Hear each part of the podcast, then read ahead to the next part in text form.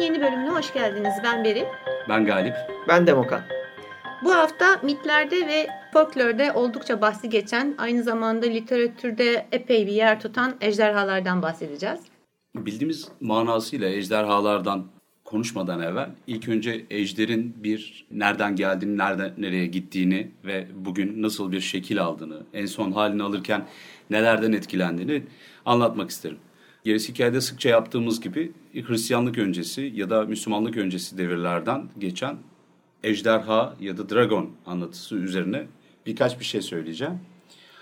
Öncelikle bu işin üzerinde bugün bildiğimiz manasıyla ejderhayı düşündüğümüz zaman ejderhaların üzerine atılı olan büyük bir şey var. Aynı Lilith'te olduğu gibi bir kötülük simgesi, bir kötülük pelerini var. Hı hı. Sanki bir suçluymuş gibi ya da kötü bir yaratık bir canavarmış gibi ele alınması durumu var. Fakat tarih boyunca ejderi tek bir formda görmediğimiz gibi bunun iki üç ayrı yaratık olduğunu gördüğümüzde durumun böyle olmadığını da anlıyoruz.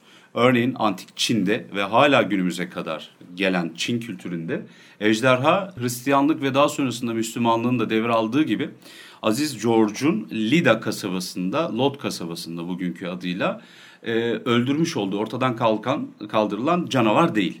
Aksine gücün, e, tanrısallığın, bilgeliğin ve büyünün özellikle ak büyünün bir temsilcisi ve insanlara bir şeyler öğreten bir yaratık. Hı hı. Bir nevi Prometheus gibi düşünebilirsiniz. Titanları anlatırken hep insan formunda düşünürüz.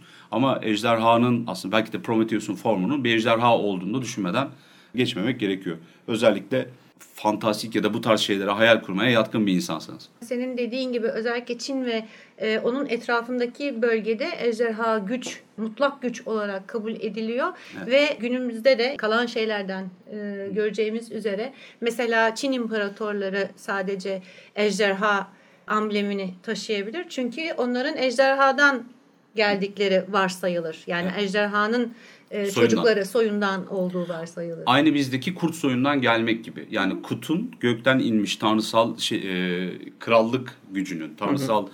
kanın, soyun alameti farikalarından bir tanesi de bu ejder, kurt. Öbür tarafta ayı var mesela kuzeyde gibi şeylerden bir tanesi, hayvanlardan bir tanesi. Ama ejderhayı bu kadar ilgi çekici yapan gerçekte ejderha diye bir yaratığın olmaması. Komodo ejderi sizi e, yanıltmasın. 1910 yılında keşfedilen bir seren, e, şeyden bahsediyoruz. Bir e, varandan bahsediyoruz aslında. Tabii tabii sürüngen yani büyükçe olduğu için ejder ismini vermişler. İşte çok ama kanadı yok. Yani Tabii. anlatabiliyor muyum? Ya zar kanat olması gerekiyor mesela üzerinde. Ya da Mezoamerika'da, Orta Amerika'da olduğu gibi Quetzalcoatl'ın kanatları gibi tüylü olması gerekiyor vesaire. Hiçbir özelliğini taşımıyor. Anlatılan ejderle görün, görsel olarak hiçbir ilişkisi yok gerçekten. Ağzından ateş yerine bakteri saçtığı efsanesi de 2013 yılında bir grup bilim adamının yapmış olduğu bir deneyle yıkılmış. Herhangi bir etoburun fırçalamadığı dişler kadar e, bakteri olduğu söyleniyor. Sonuçta et ya da leş yiyiciyseniz e, bu tarz Bakteri bakteriler bulunuyor. Yani.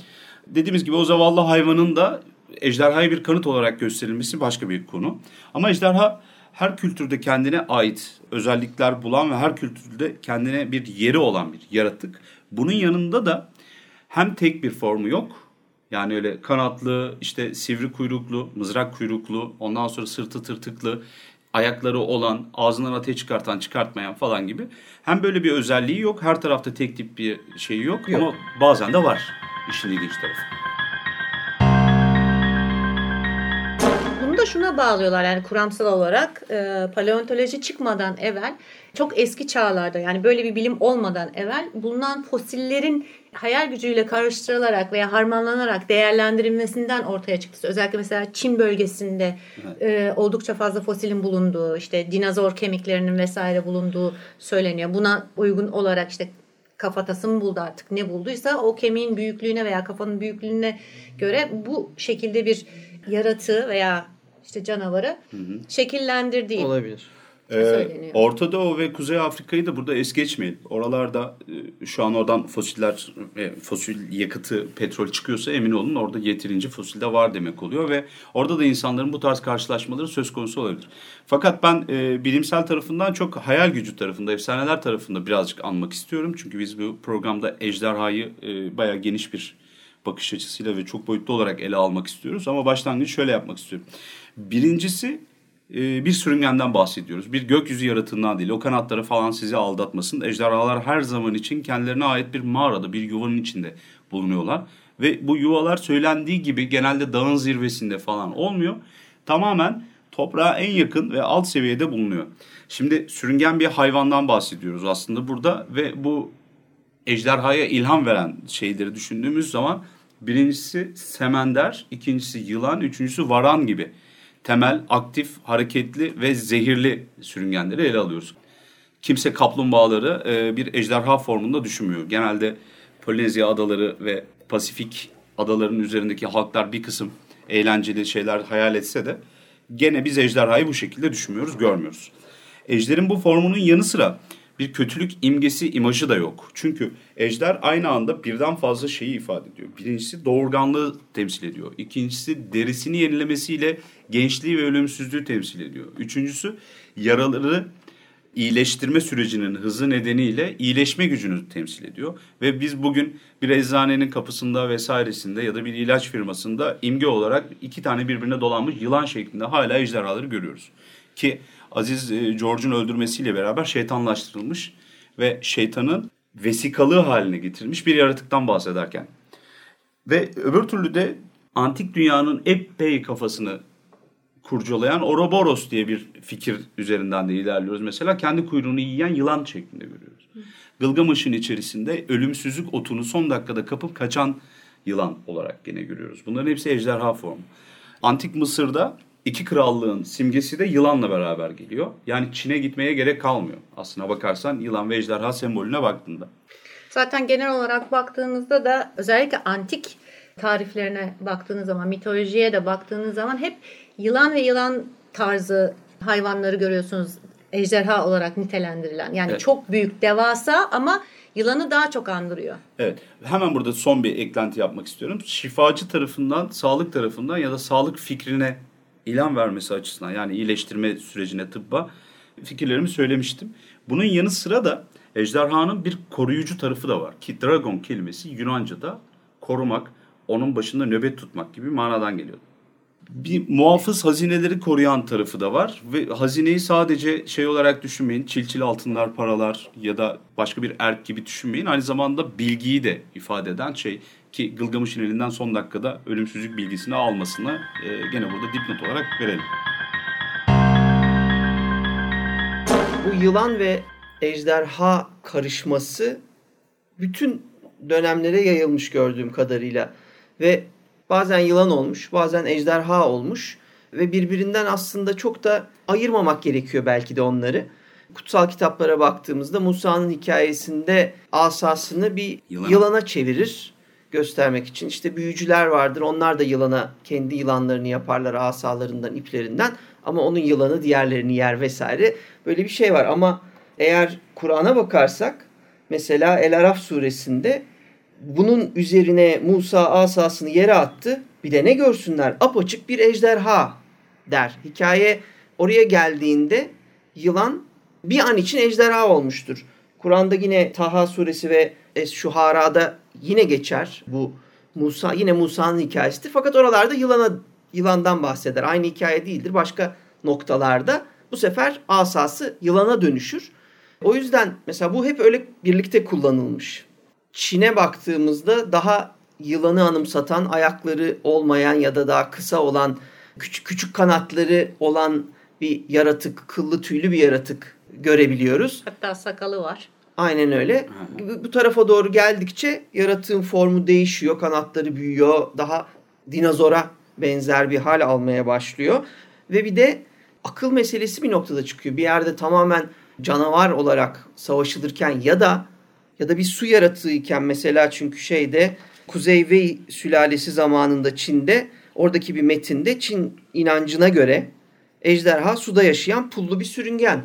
Yani. Zaten hem Tiamat hem Tetis e, yani hem Sümer hem de Yunan tarafında da e, bu şekilde tanımlanıyor. İncil'e de Leviathan olarak da geçiyor. Yani e, ejderin de bir türü var gibi düşünebiliriz orada. Tabii şimdi bir de çok geçmişe gitmeden ama mesela Jean-Paul Rowe Türklerin ejderha hakkındaki telakkileri yerleşik hayat süren İran ve Çin gibi komşularından aldıkları ancak Çin'in bu konuda öne geçtiği Zira eski Türklerde ejderha manasında kullanılan lu kelimesinin Çince'de aynı manaya gelen lungun bozulmuş şekli olabileceğini söyler mesela. Evet. Ve bunu nereye bağlayacağım? Bunu Göktürklere bağlayacağım. Çünkü Göktürklerde ejderhaya köklu diyorlar. Ve bu su ve yağmur bulutunun sembolü. Kök derken orada gökten bahsediyoruz değil mi? Evet, Gök köklü, ejderhası. göklü, suyu ve yağmur bulutlarını bir yandan ateş püsküren günümüzün modern e, ejderhası bir tarafta, öbür tarafta suda yaşayan, pullu olan ya da suyu, yağmuru, bereketi temsil eden bir başka ejderha var. Evet. Bu ikilik ilginç bir şekilde e, bütün kültürlerde var ama bazılarında yatsındığı için ya da yeni gelen dinler ya da öğretiler e, bunları baskıladığı için bazen siliniyorlar, silikleşmeye başlıyorlar. Mesela Çin'in ejderhalarında o yin yang sembolü üzerinden o çiftliği, ikiliği ifade eden o meşhur yuvarlak simge vardır ya. Biz onları siyah beyaz olarak biliyoruz. O iki şekli yağmur damlacığı gibi görünen ama aslında onlar birincisi ejderha, ikincisi biri kırmızı, biri de yeşil. Ateş ve jade o yeşim taşı ejderhaları oluyorlar ve bu ejderlerin hangisinin ateş, hangisinin su ejderi olduğu konusunda bir netlik de yok. Onlar zaman zaman ateş ejderi gibi öfkeli, aynı bir yılan gibi ya da bir varan gibi, e, kertenkele gibi zehirli olabilen yaratıklar oluyorlar. Ama bazen de bilgiyi insanlarla paylaşan, krallık kutunu artık insanlara devreden bilgi yaratıklar, büyük büyücüler, insanüstü yaratıklar gibi de anılıyorlar ve devamlı bir yer değiştirmesi var bunun. Bir de iki yaratığın yer değiştirmesinin dışında o döngü çok önemli. Çünkü yılanda da deri değiştirmesiyle yeni bir hayat kazanması vesaire. Bu tıpkı Gılgamış'taki yılanın da aynı şekilde ölümsüzlük otunu, yosununu yiyince derisini değiştirip yeni bir hayat kazanması gibi. Ama bir yandan da o dönüşme Türkçe'de de iyi kullanılmış, anlaşılmış ve bizde mesela evren olarak aynı zamanda yılana yılanın adı geçer. Evrenin o dönmesi, dönüşmesi, sürekli yenilenmesi ve dönüyor olmasının bir benzetmesi yapılmıştır. Evet. Ejderha ve yılana bizde evren denir. Evet. Evran hatta meşhur duyduğunuz o tarihi kişilikler Evranos Beyler, Evet. Bu ev, evren evran da birazcık tartışmalı. İşte evran diye kullanılmış dilde dönüşmüş ama aslında evren olduğu da söyleniliyor. Yani bildiğimiz evren olarak kullanmak da bana Evet. da kulağıma doğru geliyor. Ahi evrenin adı. Ama biz evreni tabii başka yerlerden biliyoruz. Ben 1980 doğumluyum. Birçok okul arkadaşım. Büyürken tanıştım. Yaşıtım, akranım olan kişilerin hepsi bayağı Ejderha isminden geliyordu. hepsi Evren Evet. ismindeydi. Şeyi belirtmek istiyorum. Tabii sadece Çin'de kalmıyor bu ikilik. Quetzalcoatl'ın karşısında da insanları yaratıp onlara bilgelik veren ejderha tanrının karşısında da Orta Amerika'daki gene bir opoziti, karşıtı olan başka bir ejderha daha var.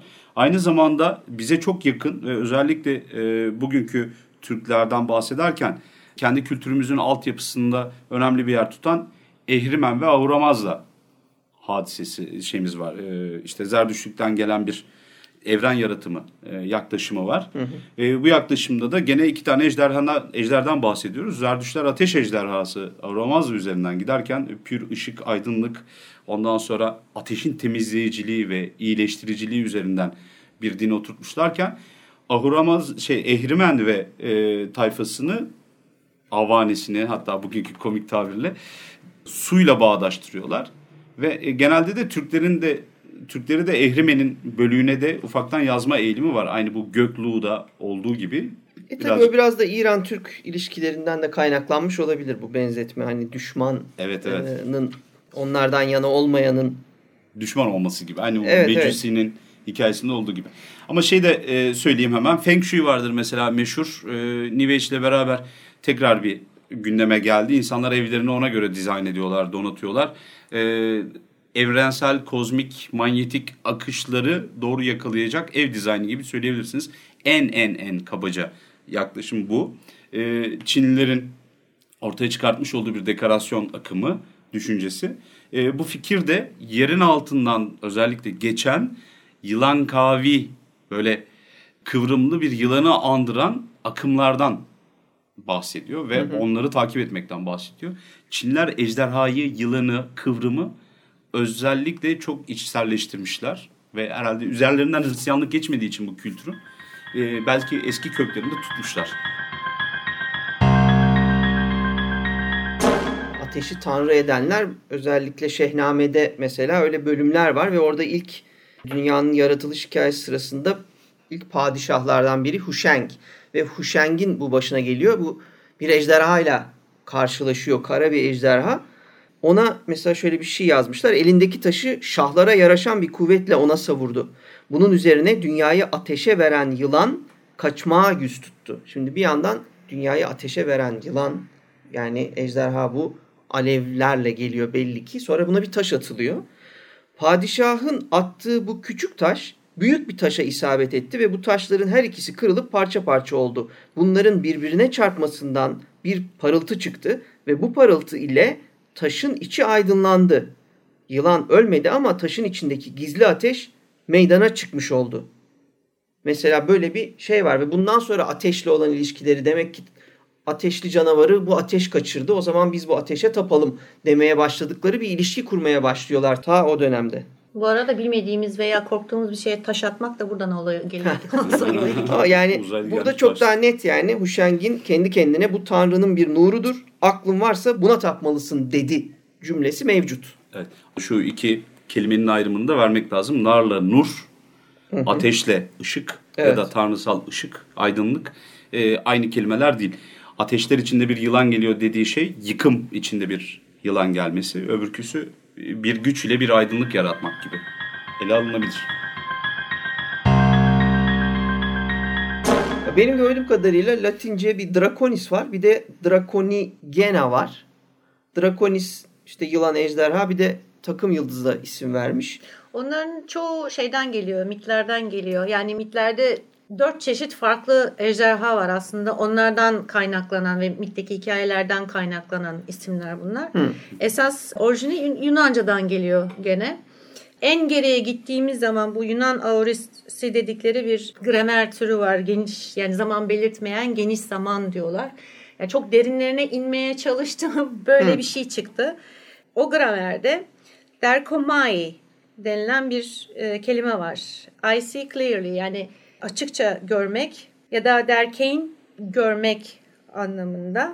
Aynı zamanda bunlar that which sees yani gören veya parlayan veya ışık saçan anlamına geldiği gibi ölümcül bakışla bakan yani hani gözünü dikip bakarsın ya tetikler bir şekilde.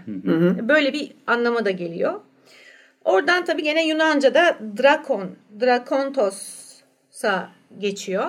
Bu da yılan anlamına geliyor. Ya da büyük deniz balığı. Şimdi buna baktığınız zaman gerçekten gene bir suyla ilişkisi var burada. Evet ama o biraz palamut gibi bir şey oldu yani. yani giant sea fish dediği zaman bunu hani balinaya da yorabilirsin. Evet. Ne bileyim yani başka şeylere de yorabilirsin ama sonuçta bir serpent yani yılan durumu olduğu için direkt şeye doğru geliyorsun zaten. Hani bugünkü dragon'un ifadesine doğru. Latince'de draconem, draco, draconis olarak geçiyor. Orada da devasa yılan şeklinde açıklanıyor. Bir de işte bu demin söylediğim şey var. Draconigena var. O, o da bence ilginçmiş. Çünkü ejderhanın dişlerinden sıçramış, doğmuş e, anlamına geliyormuş. Yani böyle böyle matrak kelimeler benim çok ilgimi çekiyor ya. Yani ejderhanın dişinden sıçramışın kelimesi var. Yani hırtlamış burnundan düşmüş gibi. Ben başka bir yerden girmek istiyorum. Bu benim bulmuş olduğum e, Yunan'dan biraz daha eski ve ilgimi de çekti açıkçası. Bakalım tanıdık gelecek mi size kelime. Belki de en bilinen balık tanrı Fenikelilerin Dagon'u olarak anılıyor. ve Dagon'un yarı insan, yarı balık olduğu tabiri üzerinden geçiyor. Hatırlarsın sen İzmir'den bahsederken Abgalları almıştın. Evet. Mesela. Aynı zamanda Baal da işin içinde Dagon konuşulduğu zaman. Aynı zamanda Pazuzu da işin içinde ki bizim bugünkü hani Red Dragon'daki ejderimiz var ya Evet. o biraz mesela Pazuzu, Dagon ondan sonra öbür taraftan Abgallar falan karışımı bir şey oluyor. Fakat gene su kökenli zaten Fenikelilerden öyle kara kökenli bir şey bekleyemezsiniz. Bunu bu adamlar İrlanda'yı falan kolonileştirmiş bir deniz milleti olarak geçiyor. Ve büyük ihtimalle de Dagon, Dagan daha sonra geçiş esnasında e, hem Mısırlara hem Asurlara da geçiş yapıyorlar. Geçiş esnasında bir isim karışmasına, Evet. Drakoli gibi bir şeye dönüşmesine maruz kalmış olabilir. Çünkü tanım da çok uyuyor. Ve Dagon'u biz nereden hatırlıyoruz? Lovecraft'tan hatırlıyorum. Tabii ki Lovecraft'tan. Lovecraft herhalde işin içinden 3000 yıl geçtikten sonra Dagon'u hem ejderha hem ve e, balık tanrı olarak kullanan son dahiydi. Ve bilin bakalım Fenikeli Dagon Lovecraft'ın elinde kime dönüştü? Kutulu'ya. Neyse böyle de ilginç bir şey gördüm Hani- hani gözüme çarptı. Bir gerisi hikaye klasiği olarak ne diyeceğim? Sümerler diyeceğim. Şimdi milattan önce 3000'lerde Sümerler'de sonra 2000'in içinde Babillerde Tanrı ve ejder mücadelesini anlatan orijinal efsaneler bulunmuş. Sümerler'de Tanrı Enki, Tanrıça Ereşkigal'in ejderha Kur tarafından kaçırılması üzerine onunla mücadele ederek yener ve Tanrıçayı kurtarır. Mesela bu var. Babil'de ise M.Ö. 1950'lerde büyük tanrılar arasına giren Marduk'un Tiamatu adlı muazzam bir deniz ve kaos ejderini öldürdüğüne ve onun parçalarından dünyayı yarattığına dair bir efsanenin mevcudiyetini de demin Galib'in de anlattığı gibi biliyoruz.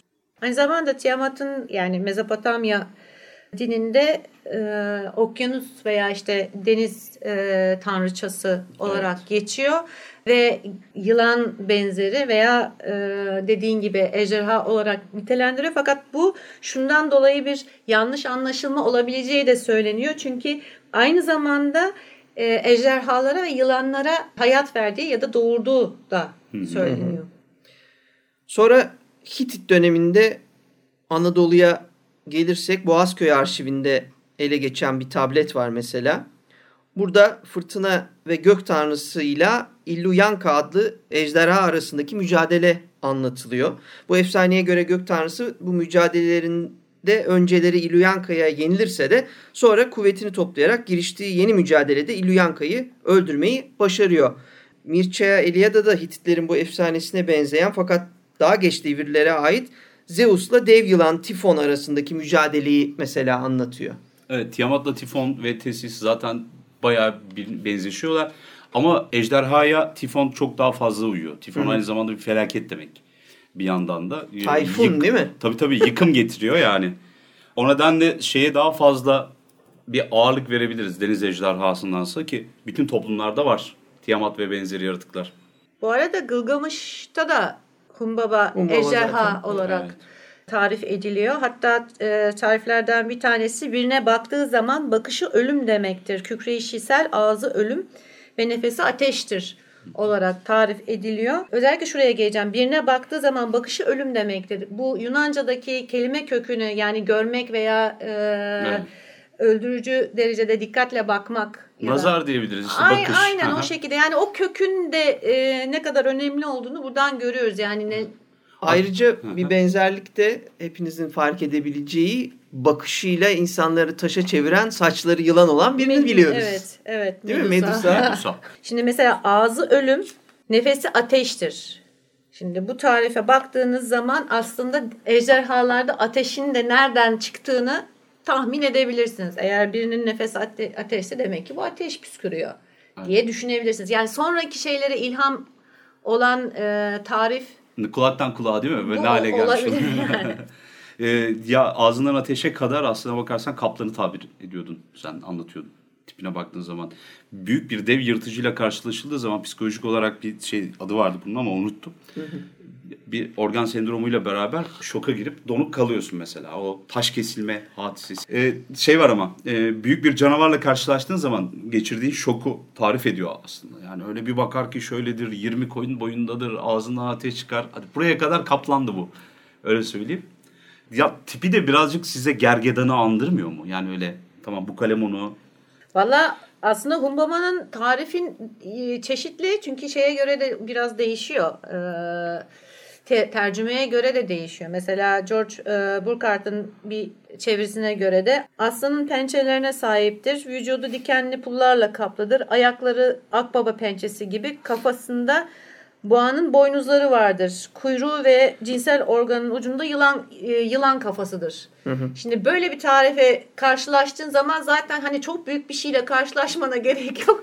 Böyle bu tarifteki bir şeyle karşılaştığın zaman bu, zaten direkt olarak Tabii de yani bunun ufağı olsa o kadar şey yapmazsın. En fazla yakar sigarayı ne menen mi yaratıkmış lan bu diye. Bir incelersin de şimdi Büyük olunca otobüs boyunda geldiğinde yani e, kuyruğunun yılan olmasına ekstradan gerek yok. Ama şey olabilir oradaki gönderme de olabilir. Burada metaforik olarak yılan deniyor olabilir. Sivri olmasından. Iguana gibi bir şeyden bahsediyor olabilir. Onun sağ solu hep dişlidir ya. Hmm. Kuyruğu muyruğu bilmem ne. Öyle bir imge yaratmış olabilir. Bir de enteresan bir taraf var. Hani diyoruz ya hep biz kötücül olarak vesaire diye düşünüyoruz. Mesela Gılgamış'ta aslında tanrıların yaşadığı Sedir Ormanı'nın koruyucusu olarak atanmış evet, bir yaratıktan buyurun. bahsediyoruz evet. yani. Sonuçta bir koruyucu. E tabi oraya gelip de ağacı kesmek isteyen buyur kes kardeş ondan sonra e, istediğin gibi al götür diyecek hali yok yani. Aynen öyle. Bir de bunun arkasında bir halk hareketi de yok. Gılgamış'ın yediği haltın. Robin Hood gibi de değil yani. İşte hmm. kralın geyini kaçırmıyor orada. Ve Humbaba'nın en önemli özelliği de beni şaşırtan nefesiyle uyutuyor olmasıydı. yani e, burada da öyle bir şey var. Mesela nefes başka bir şeye yarıyor. Canavarın en büyük, en önemli özelliği nefesiyle uyutmak. Seni nefesiyle uyutuyor. Ateş yok, su yok. Uyu veriyorsun. Belki o felçi tarif ediyor olabilir mi? Bir de çocukken hani söylerler diye birisi işte fare falan geldiğinde kulağını yermiş. Üfleye Evvelden bir üflermiş bilmem ne falan. Ya da bir çeşit zehirli nefes veriyor da olabilir yani. Her evet, şey evet. mümkün. Ama böyle yaratıklar mevcut yani. Hı hı. Ee, tabii üfleme değil. Onun bayağı ya yalaması gerekiyor, ya ısırması gerekiyor. Paralize etmek için, felç etmek yani için. Bir şeyden hani Şöyle bir şey de var. Yani es, özellikle antik yazıtlarda farkında mısınız? Bir şeyden korkutmak için mümkün olan her türlü korkutucu elementi bir şekilde bir yerde toplama şeyi var, eğilimi var. Evet. Yani şu şeye baktığın zaman, tarife baktığın zaman pek çok hayvanı görebilirsin burada. Maşallah. Şey yani korkutabilmek için resmen evet. şey yapış. Yani şişirme aslında bunu da söylemek istemiyorum yani. Ha, doldurma Çünkü biraz. sonuçta çok büyük eserler bunlar. Çok e, güzel eserler ama e, yani öyle bir şey de var. Gerçekten insanın tüylerini diken diken etmek için elinde ne varsa kullanıyor. Evet evet ama zaten o bir zorunluluk belli ki. Çünkü insanların uzaklaşmasını, zarar görmesini istemiyor. Topluluğu korumaya çalışıyor. Bütün hikayeler öyle başlamış ister istemez. Yani bir toplum kolay kolay mı baskılanıyor Beril? Yani evet. herkesi hizaya sokacaksın ki her türlü yani her hafta bir yeni yaratık giriyor olabilir. Hayvanat bahçesinde etoburlar seksiyonundan Tabii seçip seçip bu defa işte sağ ayağı fil gibiydi falan bilmem ezer. E, e, tamam şu tarifle bana Taksim'de Humbaba var deseler zaten Taksim'e gitmem yani. zaten gitmiyoruz Taksim'e çok kalabalık. Humbaba'ya pek gerek kalmıyor. Ejderha kelimesini ben bir açmak istiyorum. Onu küçük olarak belirtelim. Niye herkes ej- e, dragon üzerinden ilerlerken Avrupa'ya da bu kadar yakın olduğumuz halde biz niye ejderhayı içselleştirmişiz gibi geliyor. Bu da bizim kültür kökenimizden kaynaklanıyor. Ejderha Farsça bir kelime. E, kök olarak da ejdahak olarak e, ilk kullanılıyor. Fakat bizim Türkler, Yörükler meşhurdur bu konuda. Ağzına geldiği gibi söylemeyi çok sevdikleri için o zaman içerisinde ejderhaya Ejder. dönüşmüş. O ne ha kalmış ne hak kalmış falan. Ejdahak diye geçiyor. Dahak e, bildiğiniz o meşhur Kavan'ın öldürdüğü şeyi Nevruz'u başlatan kralın da sıfatı olan kötücül, tiranik kral anlamına geliyor. Ejde artık sülaleden hani böyle soy olarak o kadar büyük bir şeyden bahsediyoruz gibi. Hazır Dahak'tan bahsetmişken ben onu biraz açmak isterim. Dahak da e, Firdevsi'nin yine Şehnamesinde kendine yer bulur ve ejder soyundan geldiği söylenir. Fakat onun hikayesi de senin demin dediğin gibi bu canavarlaştırma ya çok iyi örnek verilebilir. Çünkü Dahhak kral olduğu zaman şeytan onu kandırmaya karar veriyor. O dönemlerde insanlar daha et yemiyorlar hikayeye göre. Ot yiyorlar, meyve yiyorlar, e, tohum yiyorlar. Ve şeytan bir aşçı kılığında geliyor. Dahhak'a diyor ki ben senin aşçın olmak istiyorum. Çok iyi yemek yaparım ve aşçısı oluyor. Ona yemeklere hayvan etleri katmaya başlıyor ve Dahhak da bunu çok beğeniyor. İlişkileri gittikçe yakınlaşıyor. Dahhak da güçleniyor. Et yiyenler daha da güçlü olmaya başlıyorlar. Bu da hoşlarına gidiyor. Sonunda dile benden ne dilersen diyor aşçısına. Aşçısı da ben çok bir şey dilemem diyor. Sırf diyor gel diyor seni omuzlarından öpmek istiyorum diyor. Ve o da izin veriyor. sen diyor benim adımla büyüyeceksin. Benim omuzlarımı öpersem senin öpersen senin de adın benimki gibi birlikte anılır. O yüzden buyur gel öp diyor. Öpüyor. Tabi şeytan olduğu için Dahhak'ın omuzlarından iki tane yılan çıkıyor. Ve bu iki yılan ne yapsa bu yılanlardan kurtulamıyor. Kesince yılan yeniden e, çıkıyor ve bu yılanlar sürekli aç. Evet. Ve neye aç? Beyine aç. Sürekli beyne aç olan iki yılan kafanda bır bır bır senden beyin isteyince de sen de bir kralsan bu sefer her gün o yılanları doyurmak için şehirden iki tane genç yakalanıp getiriliyor. Beyni çıkarılıyor, yılanlara beslenmeye başlanıyor ve Dahhak'ın hikayesi Feridun'la e, kapışmasına kadar bu şekilde dönüyor. Daha sonra Feridun o ejderin peşine düşüp kafasını topuzuyla ezene kadar. Aynen öyle. Tabii başka versiyonlarda bunun yara olduğu, ondan sonra insan beyninin yaranın üzerine sürüldüğü gibi birazcık daha e, hafifletilmiş soft versiyonları var. Stephen King'in Misery kitabında balta ile e, yazarın ayağını kesme varken filme aktarıldığında o topuza ya da işte Balyoz. balyoza da dön- dönüyordu. Balyoz. Etraf karnevan olmasın diye. Ama biz bunu vampirde anlatmış mıydık daha hakkı ya? Benim notlarım arasında vardı hatırlıyorum. Omuzundan çıkan o iki yılan e, bayağı vampirik unsurlara ilk örnek e, diye ben not almıştım. Ben de zombi. Ben Ha, de zombi aynen. hani Ah. hatırlatıyor Beyin. ister istemez. Beyin Ama diye Dan kulağında- O'Bannon'dan sonra geliyor. Kulağında beyin diye ba- bağıran iki yaratık. Abi ne yaptın? yılan. Beyinler geldi mi bugün falan diye böyle düşünsene rahatsız edici. Yok ben öylesine soruyorum. Evet, Yunan mitolojisinde de pek çok e, ejder görebiliriz. Hatta hatta oldukça sık rastlanan ve önemli yer tutan yaratıklar, ejderhalar. Mesela Homer'ın ejderhayı bir e, tarifi var. O da kanatlı ve bacaklı olarak tarif ediyor.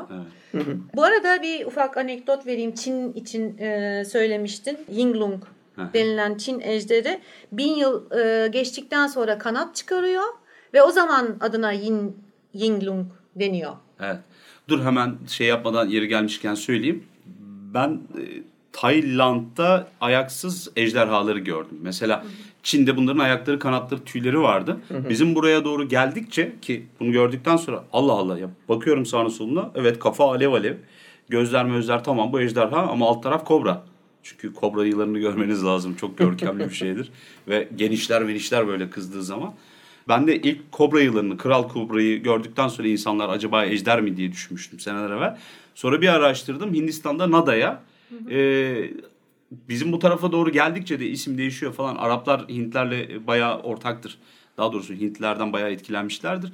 Yahudilerde de Nadas olarak geçiyor. İlk bildiğimiz serpent olarak bildiğimiz semender ejderi vesairesi.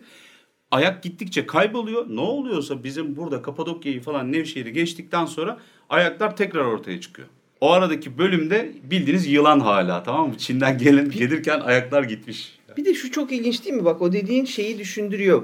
Çin'deki ejder büyülü bir şekilde uçarken yavaş yavaş buraya yaklaştıkça o büyüden kurtulup kanatlarıyla yani büyüsü azalıp kanatları büyüyerek gözle görülür fiziki olarak anlaşılabilir ve anlatılabilir bir şekilde uçmaya başlıyor. Evet. Bir de her millet kendince e, etrafında ne varsa ondan faydalanarak yapıyor gibi bunu. İşine ne gelirse. Tabii tabii. Mesela e, or, şeyde Amerika kıtasında İspanyollar götürene kadar at yoktu. Ama gidin orada bir Pegasus hikayesi anlatın bakalım.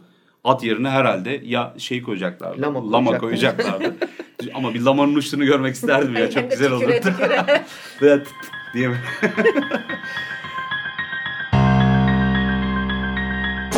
Yunan mitolojisinde örnek verecek olursak ilk örnek Ladon. Bu da Hera'nın bahçesi Hesperides bahçesinin altın elmalarını koruyan e, devasa yılan ve çok başlı. Bu da mesela şeyde e, ejderha olarak geçiyor tabi.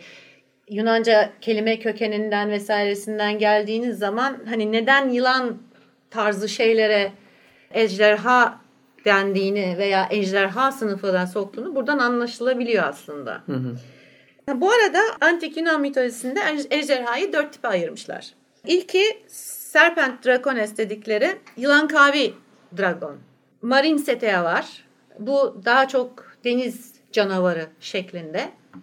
Örnekler vereceğim ufak ufak birazdan. Ateş kusan veya ateş püsküren kaymera var. Ve son olarak da deniz canavarı olarak addedilen ve dişi canavar olarak bilinen Dracena var. yılan tarzı ejderhaları örnek altın postu koruyan kalkis ejderhası. Evet. Hiç uyumadığı mesela Hı. anlatılır ve beklediği anlatılır postu. Gece bekçisi Zaten o evet ya, uyutularak kötü. sonradan alınıyor ya post. Bekçi köpeği yani. Bekçi Evet, köpeği gibi bir şey.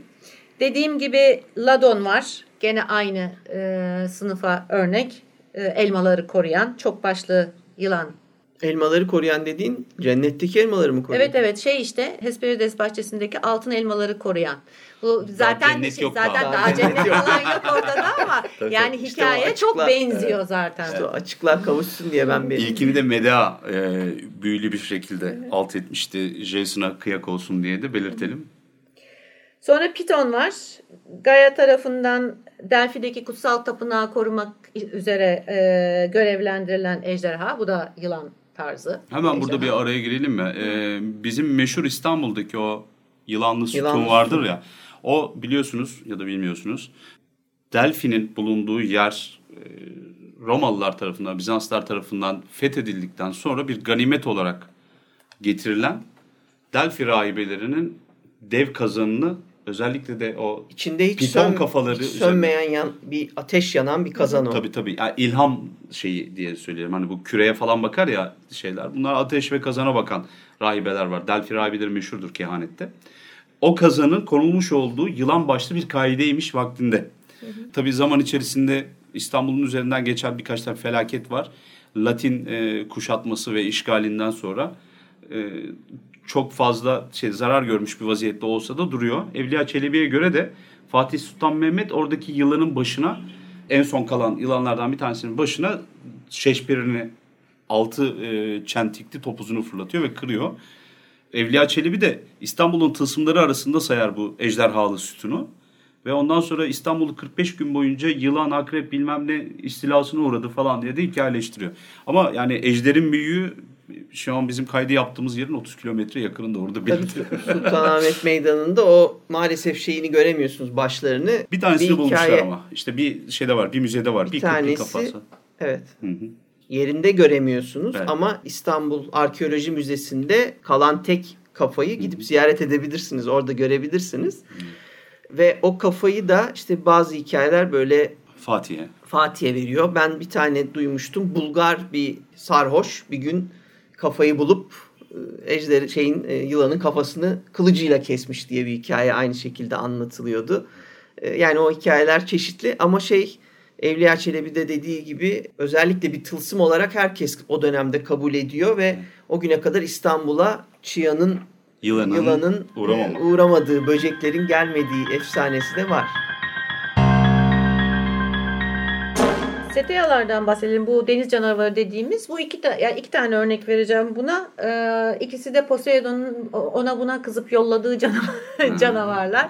Bir tanesinde Ütopya'yı yıkması için gönderiliyor. Ee, burada Perseus tarafından Andromeda kurtarılıyor e, canavarın elinden. İkinci örnek de aynı. Troyan Cetus dedikleri var. Poseidon tarafından bu sefer Truva kralına kızıp e, duvarları yapmasına yardım etmiş. Ondan sonra Truva kralı da bunu e, takdir etmeyince Poseidon kızmış, canavarı yollamış. Burada da Herkül tarafından öldürülüyor canavar. O da Hesione'yi kurban edilmekten kurtarıyor. Nedense bu deniz canavarları gelen yani Poseidon tarafından gönderilenler hep bir kız isteme durumu var kurban olarak. Ya da elde ne var? Kız Elde var var, verelim kız biz. var, verelim Belki hesabı, sakinleşir. Kaymera dedik. Ee, örnek olarak Likya'yı yıkıp tahrip eden üç başlı canavar. Bu geçen ben sayayım hemen onları? Bir kumar, iki içki, üç de boş oturmak falan. evet tabii böyle de Parayı söylenebilir. bulan adam. Pardon onlar Lidyalılar. Bu da çok e, hayvanla özdeşleştirilmiş e, canavarlardan bir tanesi. Tariflerinden bir tanesi işte bedeninin ve başının aslan gibi olduğu, işte sırtından keçi çıktığı, boynuzlu bir keçi çıktığı, bir çift memesi olduğunu, yılan kuyruklu olduğu falan anlatılıyor. Bu da dediğimiz gibi hani korkutmak için gerçekten hani epey bir materyalden faydalanılmış bir e, canavar. Buradaki en önemli şeylerden bir tanesi ateş kusması. Dracena dedik. Burada bir tane örnek vereyim. Çünkü çok örnek var bu şeylere. Ejderha sınıfına sokulan Evet. yaratıklara. İskit Dracenia dedikleri var. Bu da e, canavar bir kadın, dişi ejderha, üstü kadın, altı ejderha. Ne hatırlattı size acaba? Bizim bu şey değil mi ya? Ya Lamia ya Naga, Medusa işte, diye. yani Naga, Lamia. Şahmaran Neyse. doğru. Ay bir Türk. Neyse sonuç olarak Yunan mitolojisinde de bir sürü örneği var. İsterseniz teoriden her bir tanesine bakabilirsiniz. Teo şeyde var mı? Teori.com'da tamam, ben- geçen verdiği bir bölümde anlatmıştı. çok geniş kapsamlı. Ben Hesoido e, şeyinde ilmi halinde var mı diye özellikle sorayım dedim de. O Zaten şey, e, teorinin şöyle bir özelliği var. Bütün Yunan mitolojisini kapsayan bütün kaynakları göstererek şey yapıyor. Yani mesela versiyonlarını da gösteriyor. İşte şu şunu anlatmıştır, bu bunu anlatmıştır vesaire şeklinde. Altında zaten şeyi var, dökümü var. Evet.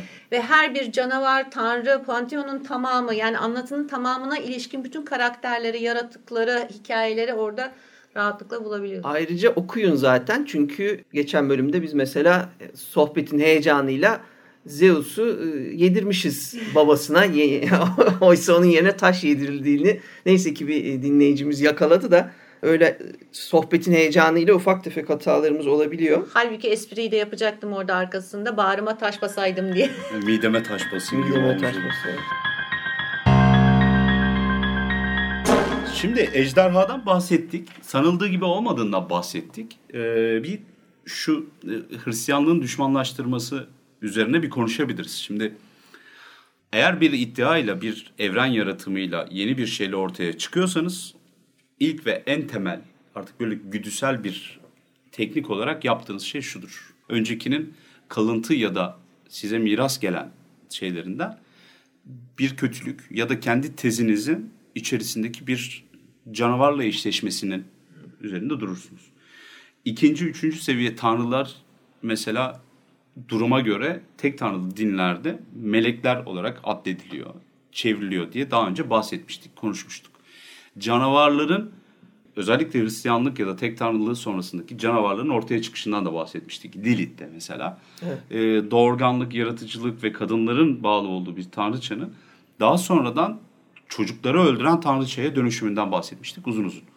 Bu aynen pagan bayramlarının doğru tarihleri tutturup işte Hristiyan ya da e, Müslüman bayramlarıyla eşleşmesini de getiriyor ister istemez. Yani Yerine kötülemenin göre, evet. yerine Hı hı. bazen eşleşme ve iyi onu kendine alma, kendine benzetme gibi bir durum da oluyor. Evet yani Dracula'da bahsettiğimiz meşhur e, Jonathan Harker'ın Dracula'ya gitmeden önceki Aziz bir şey günü Martin günü müydü hatırlamıyorum. Günü hikayesi vardır mesela. Özellikle o zaman içerisinde yani bu Mart civarına denk geliyor. Bir yolculuğa çıkılmaması gerekiyor. Ondan sonra işte o günlerde dünyaya gelen çocukların şeytana daha meyilli olduğu ve daha sonra vampire dönüşebileceği ile alakalı hikayeler var. Bunların hepsi Hristiyanlık sonrası. Büyük ihtimalle bir pagan bayramının özellikle o civarda Bogomiller bulunur. Birazcık daha böyle agnostik bir şey. Etkisini kırmak için o pagan bayramının elden geçilmesi, şeytanlaştırılması söz konusu. Ejderhada da durum böyle. İnsanlar ejderhaya tapmıyorlar. Tamam. Ki tapanlar da var bu arada. Yani ateş ejderhası dedik Avramazlı'yı benzeştirirken. Ehrimeni de bizimkiler sever. Ee, yani üzerimize atılı vaziyette ama yani Efrasiyab'ın falan Ehrimen'in şampiyonu olduğuna bahsediyorlar. Pehlivan olduğuna. Şimdi ejdere tapmamak durumu var. Ama bir yandan da ejder ne kadar tehlikeli olsa da ejderi atıyorum bugünkü tabirle Allah'ın bir yaratığı olarak görmek var. Ona karşı nötr ama dikkatli olmak durumu var. Ne zaman ki bu iş işte Aziz George olarak bilinen işte Romalı şövalye Yorgin'in Lida'da gidip bir ejderi kesmesi metaforuna dönüşüyor, bir hikayesine dönüşüyor. Ondan sonra biri şeytan dediği anda o zar kanatlar ortaya çıkıyor. O boynuzlar, ağızdan ateş atmalar, sivri kuyruklar şekline getiriliyor. E, bugünkü manasıyla da bir ejder hikayesi yazıyorsanız ejderi iyi olarak ele alamıyorsunuz. Ejder çünkü sadece tehlikeli değil aynı zamanda şeytani bir yaratık haline geliyor. Kötü oluyor. Bulbul gidişin geçer. Evet evet. Vallahi ben yazıyorum. Canım sen şimdi ifade etmiyorsun. Yeni fantastik akımdan bahsetmiyoruz. Şimdi Orada keseceğim. Yani yeni e, derken bugün için konuştuğumuz zaman aslında hani ben onu çok geçerli bulmuyorum. Şöyle geçerli bulmuyorum. Pek çok örneği var çünkü iyi e, ejderha veya işte bilge ejderha veya işte nasıl diyeyim yardımcı ejderha örneğine çok fazla örnek var. Tamam yani yine çeşitlendiği için. Ha, onu oraya günümüz demek gelecektim. biraz Yani günümüz, günümüz- ha, günümüz günümüzde- demek çok doğru olmuyor. Çünkü Hı. günümüz çok çeşitlendi. Kötüsü de var, iyisi de Ha, var. onu Ama senin dediğin Bu 40-50 Hristiyanlığın senelik bir mevzuyu kapsıyor senin verdiğin örnekler. Ha, senin Evet. dediğin çok daha eski e, bir dönemi de başlayan Hı hı, sonuçta aynen. Hristiyanlığın etkisiyle oluşturulan Yok o bir şey. doğru doğru ama bugün geldiği nokta hem iyi yani bilge iyi ve e, koruyucu e, ejderha, yardımcı ejderha da var. E, kötü, kötücül, büyü yapan, şey yapan, lanet koyan vesaire ejderha da var. Ortada natural ejderha da var. O nasıl oluyor ya? Va- Sızma var. ejderha. Var yani natural olan yani kimi zaman kötü tarafta kimi zaman iyi tarafta e, olabilen ejderhalar da var. Ejderhanın hakkı teslim edilmiş gibi anlıyorum ben bu son e, 40-50 yıllık literatürün yapmış olduğu şeylerden, buluşlar nedeniyle. Ama biz burada ejderhanın daha hak kısmını görüyoruz bahsettiği şeylerde. Bir üstün yaratık, bir kraldan bahsediyormuşuz gibi. Bilgi olanı da var. İhtiraslı olan, tiran olanı da var gibi o bilgi, geliyor. o bilgi olanı büyük ihtimalle Çin'den yani Asya tarafından daha çok etkilenilerek gelmiş bir şey olduğunu düşünüyorum ben. Şimdi izninizle ben bir Anadolu ejderhasına bir kısaca girmek istiyorum. Şimdi e, ne zaman fantastik bir söyleşiye, korku konuşmasına gidilse arada birileri çıkar. Bizde ejderha yok ki gibi cümleler sarf eder oldu son yıllarda. Arkadaşlar bizde ejderha vardır. E, hem de çok eskilere gitmeye gerek yok. Özellikle Anadolu'da 13. yüzyıl evliyalarıyla ejderha hikayelerinden bir kısaca bahsedeyim. Biz Kocaeli konuşmasında birazcık bahsetmiştim ama en ünlüsü ejderha avcılarımız vardır. Sarı Saltık'tır mesela. Sarı Saltık'ın ejderha avcısı olduğuna dair pek çok hikaye vardır ve e, bazıları aynı hikaye olsa da birçok yerde geçer. Bunların ama bence en eğlencelisi Hacı Bektaş'la geçen hikayesidir ki onu, onu konu Kocaeli'de anlatmıştım. Fakat bir de Evliya Çelebi'nin anlattığı versiyon vardır ki girişi şöyledir. Hacı Bektaş Sarı Salt'ı çağırır ve ejderha öldürmeye gönderecektir. Der ki Dobruca'da bir böcük var. Anı öldürüvir.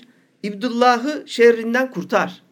Yani pek çok şey olarak tanımlandığını gördük ama ejderhanın sanırım böcük olarak tanımlandığını bir tek Evliya Çelebi'de görebiliyoruz. Ve kalkar gider gerçekten bir kralın kızlarını öldürecek olan e, ejderhayla savaşıp onu yenip ondan sonra da ayrıca onun karşısına çıkan ve hakkını yemeye çalışan bir tane de papazı da alt edip e, Hacı Bektaş'ın da uzaktan yardımlarıyla bütün o kralı da halkını da Müslüman edip mesela bir ejderha öldüren sarı saltımız var. Tek başına değil.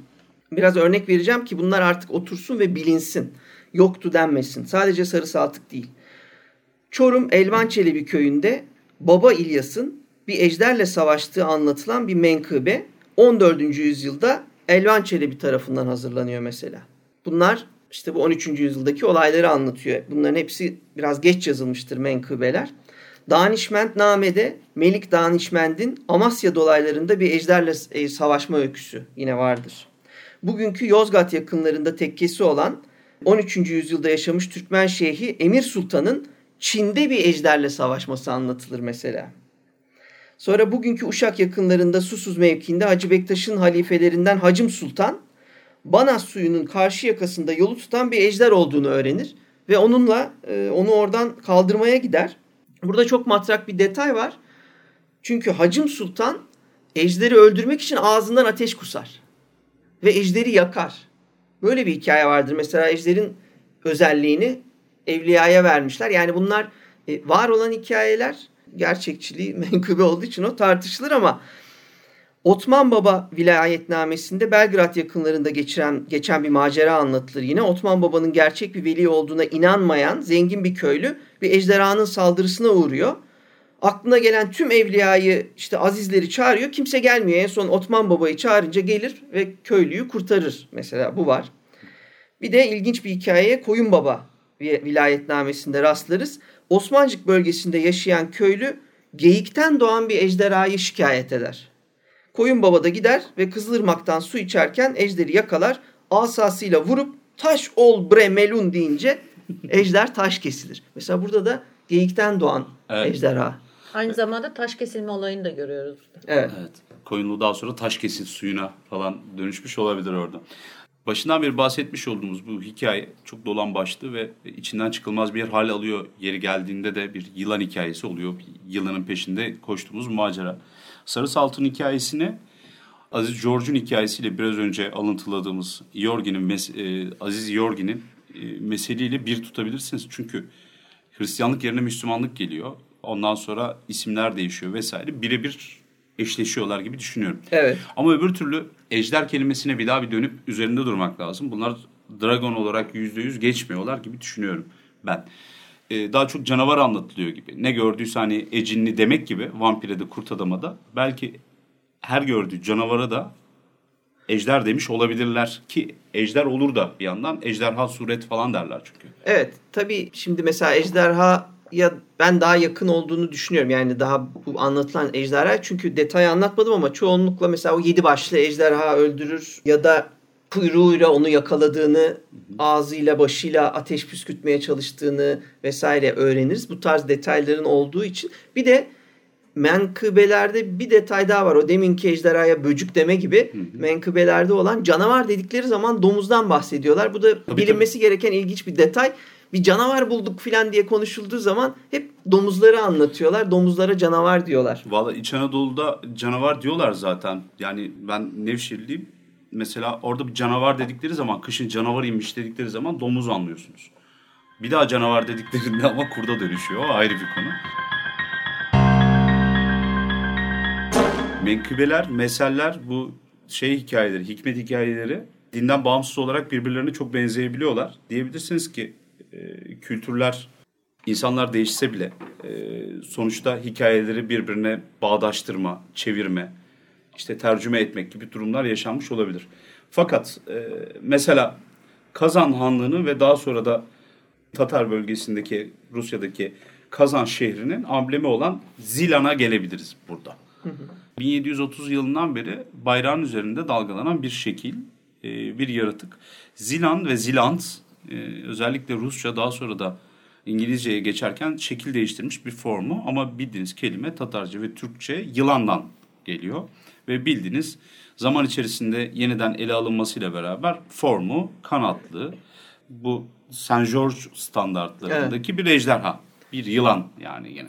Bunlar zaten birbirlerinden de alıyorlar. Birkaç menakıb namede birbirine çok benzeyen pek çok öykü dediğim gibi Sarı Saltun 3-5 tane olması gibi farklı e, menkıbelerde.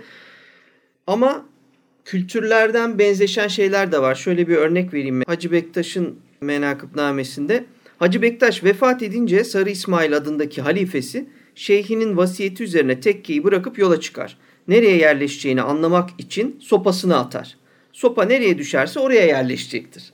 Dergahtan çıkıp sopasını attı.